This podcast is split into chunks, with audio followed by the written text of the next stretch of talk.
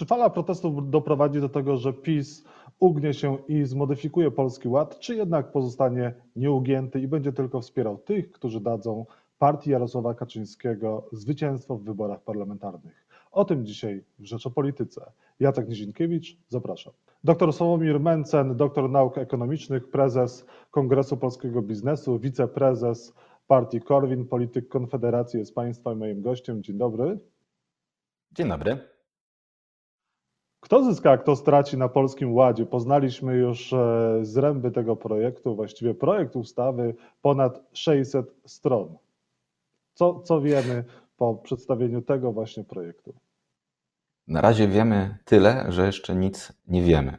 W lipcu pojawił się liczący 200 kilkadziesiąt stron projekt ustawy, który został w międzyczasie mocno rozbudowany. Doszło bardzo obszerne uzasadnienie i na początku września, półtora tygodnia temu, wyszedł nowy projekt. On liczy 686 stron razem z uzasadnieniem. Tego nie czyta się jak powieść, tam jest mnóstwo zapisów w rodzaju, że skreślamy literę J, zastępujemy ją literą K, albo jakiś ustęp na, nabiera jakiegoś innego brzmienia i w tym momencie jeszcze jest za wcześnie, żeby powiedzieć, co dokładnie na tych prawie 700 stronach jest. Ta materia jest do tego stopnia skomplikowana, że nawet Rządowe Centrum Legislacji odmówiło analizy prawno-legislacyjnej tego projektu ustawy, bo stwierdzili, że sprawa jest zbyt trudna, oni mają zbyt mało czasu.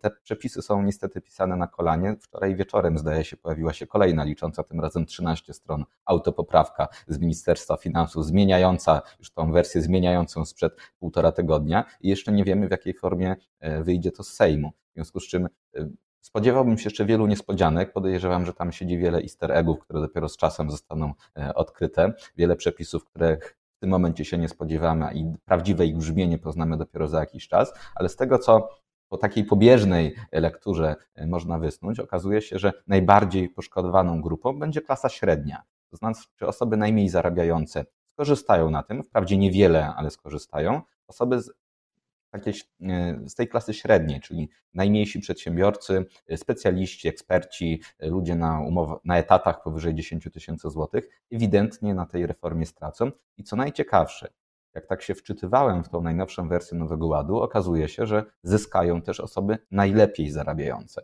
Przez najlepiej zarabiających rozumiem milionerów. Może się okazać, jeżeli te przepisy wejdą w obecnej formie, że najwięcej skorzystają nie emeryci, nie osoby najmniej zarabiające, ale osoby naprawdę, naprawdę najlepiej zarabiające. To jest pewną niespodzianką.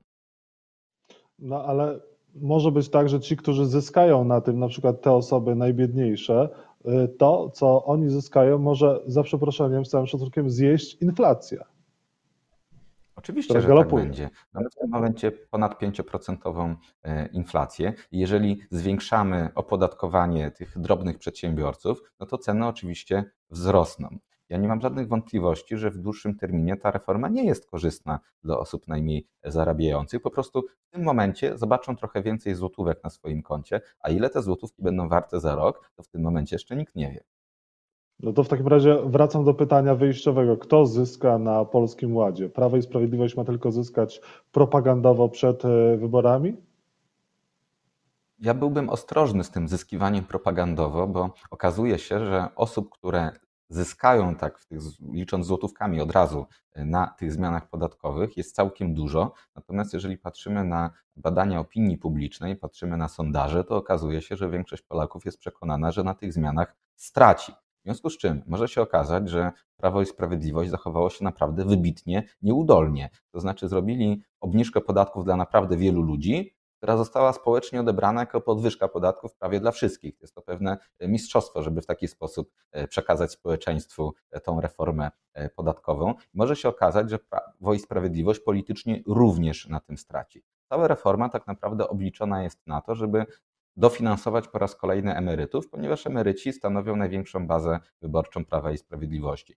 40% tych oszczędności podatkowych, które wygeneruje Nowy Ład, ma iść właśnie w kierunku emerytów, czyli zabieramy pieniądze klasie średniej, zabieramy pieniądze mieszkańcom dużych miast czy drobnym przedsiębiorcom i po prostu wprost przekazujemy je do portfeli emerytów. To jest coś w rodzaju kontynuowania tej 13 czy 14 emerytury, prawie że bezpośrednie świadczenia z kieszeni klasy średniej na rzecz emerytów. Więc politycznie to może się spiąć, ale tylko i wyłącznie na tym e, odcinku. Podejrzewam, że nikt poza emerytami nie będzie czekał na tą E, zmianę z niecierpliwością.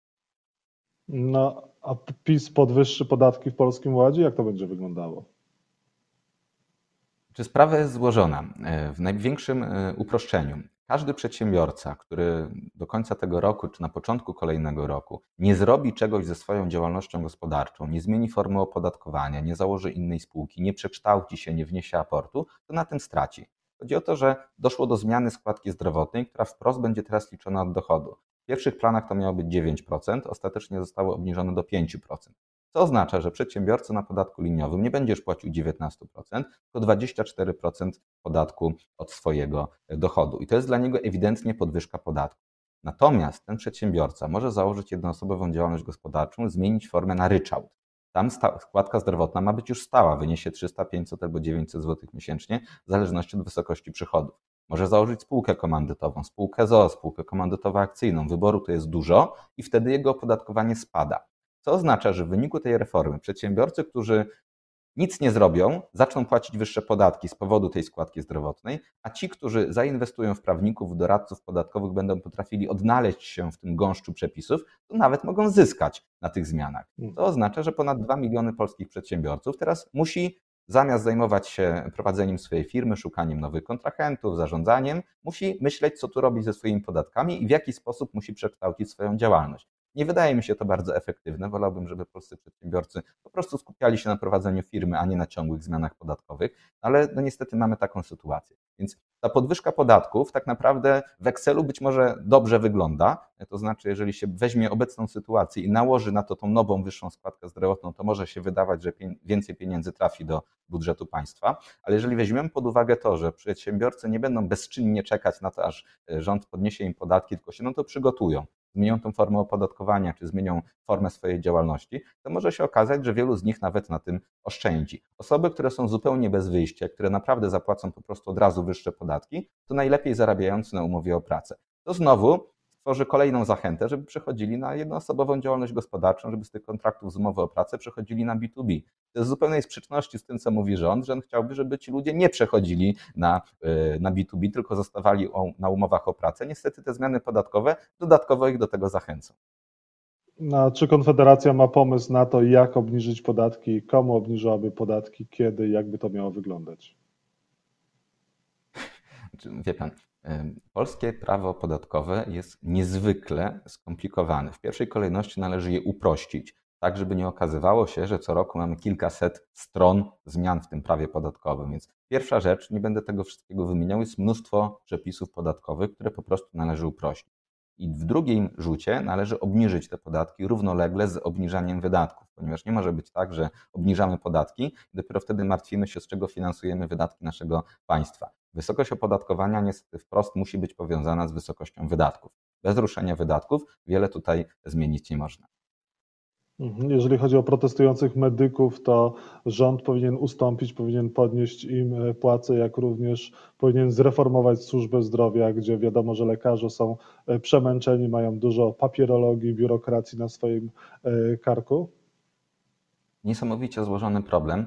Przede wszystkim, jeżeli po prostu wprost dolejemy więcej pieniędzy do budżetu systemu ochrony zdrowia, to nie znaczy, że nagle będziemy lepiej leczeni, bo ten system po prostu jest wyjątkowo niesprawny. Mamy olbrzymie deficyty lekarzy specjalistów i niestety ten problem będzie się pogłębiał, ponieważ średnia wieku lekarza specjalisty to jest 55 lat, to są ludzie w wieku emerytalnym, przedemerytalnym, podobnie zresztą jak i pielęgniarki, więc lekarzy będzie coraz mniej, a osób chorych będzie coraz więcej, bo jako społeczeństwo się starzejemy. Jeżeli po prostu przelejemy więcej pieniędzy, podwyższymy wynagrodzenia, to nie sprawi to, że nagle liczba lekarzy specjalistów się zwiększy. Nie rozciągniemy w tej sposób doby endokrynologa, czy chirurga, czy ortopedy. On dalej będzie miał tylko 24-godzinną dobę. Problem tak naprawdę nie jest z najlepiej zarabiającymi lekarzami czy lekarzami specjalistami, ale rzeczywiście na samym dole, to znaczy z rezydentami, z ludźmi, którzy dopiero zaczynają swoją pracę w tym zawodzie i oni rzeczywiście zarabiają mało i wydaje się, że należy te wynagrodzenia zwiększyć. Przy okazji warto zauważyć, że doszło do pewnego e, paradoksu, ponieważ lekarze od dawien dawna domagali się zwiększania nakładów na system ochrony zdrowia. Kiedy rząd to zrobił poprzez podniesienie składki zdrowotnej dla przedsiębiorców, którymi lekarze też są, e, to lekarze zaczęli protestować, że nie chcą płacić wyższej składki zdrowotnej, z którą mają być finansowane ich wynagrodzenia. E, czy Polska powinna pozostawać w Unii Europejskiej? Zależy, czym będzie Unia Europejska, bo Unia Europejska, do której wchodziliśmy w 2004 roku, to jest zupełnie inny organizm niż ten, w którym jesteśmy teraz. Rozumiem, że pana, kontekstem Pana pytania są ostatnie wypowiedzi polityków Prawa i Sprawiedliwości, którzy mówią o polexicie. Dzisiaj rano, zdaje się, Jarosław Kaczyński uciął tą dyskusję, co mnie zresztą w ogóle nie dziwi, bo przypominam, że to za pierwszego PiSu doszło do podpisania traktatu lizbońskiego, który jest niezwykle niekorzystny dla Polski i ograniczył nasze możliwości decydowania w Unii Europejskiej. Teraz to Mateusz Morawiecki podpisał e, w zeszłym roku umowę, na podstawie której teraz Komisja Europejska może nam zablokować te e, fundusze, w związku z czym to PiS podpisywał takie najbardziej proeuropejskie dokumenty, w wyniku których teraz PiS ma problem. Jestem zdania, że oczywiście, że powinniśmy dyskutować o polexicie, ponieważ zwiększa to naszą przewagę negocjacyjną w rozmowach z Brukselą. Jeżeli stanowisko polskie będzie takie jak do tej pory, to znaczy niezależnie co się wydarzy, czy będzie się waliło, czy paliło, to Polska zawsze będzie niezwykle euroentuzjastyczna, to wtedy nasz rząd ma trochę ograniczone pole wyboru. Jeżeli mamy tego asa w rękawie, możemy mówić, że trwa u nas debata o czym, tym, czy my w ogóle chcemy być w tej Unii Europejskiej, no to wtedy w Brukseli muszą na nas patrzeć oczywiście inaczej. A w kwestii e, Izby Dyscyplinarnej polski rząd powinien ustąpić? I ustąpi? Polski rząd może nie mieć wyjścia, ale sam się w tą pułapkę wpakował. To, że my musi, prawdopodobnie to, że Polska ustąpi, ponieważ nie wierzę, żeby Prawo i Sprawiedliwość tutaj e, poszło na wojnę z Brukselą, jest wprost konsekwencją decyzji Mateusza Morawieckiego sprzed roku. Nawet Zbigniew Ziobro rok temu mówił, że to, na co zgodził się Mateusz Morawiecki, to powiązanie wypłaty funduszy unijnych z tak zwaną praworządnością, doprowadzi do tego, że Unia Europejska będzie nam blokować te fundusze i to rzeczywiście się dzieje. Mateusz Morawiecki sam e, naważył tego piwa i teraz musi je wypić. Nawiązując do piwa, Sławomir Mencen e, powiedział, o, o, również nawiązał do tego chyba, jak sam e, te spotkania swoje organizuje przy piwie, ale o tym już porozmawiamy następnym razem, ponieważ już musimy kończyć. Bardzo dziękuję za rozmowę. Dr Sławomir Mencen był Państwa i moim gościem. Dobrego dnia. Dziękuję.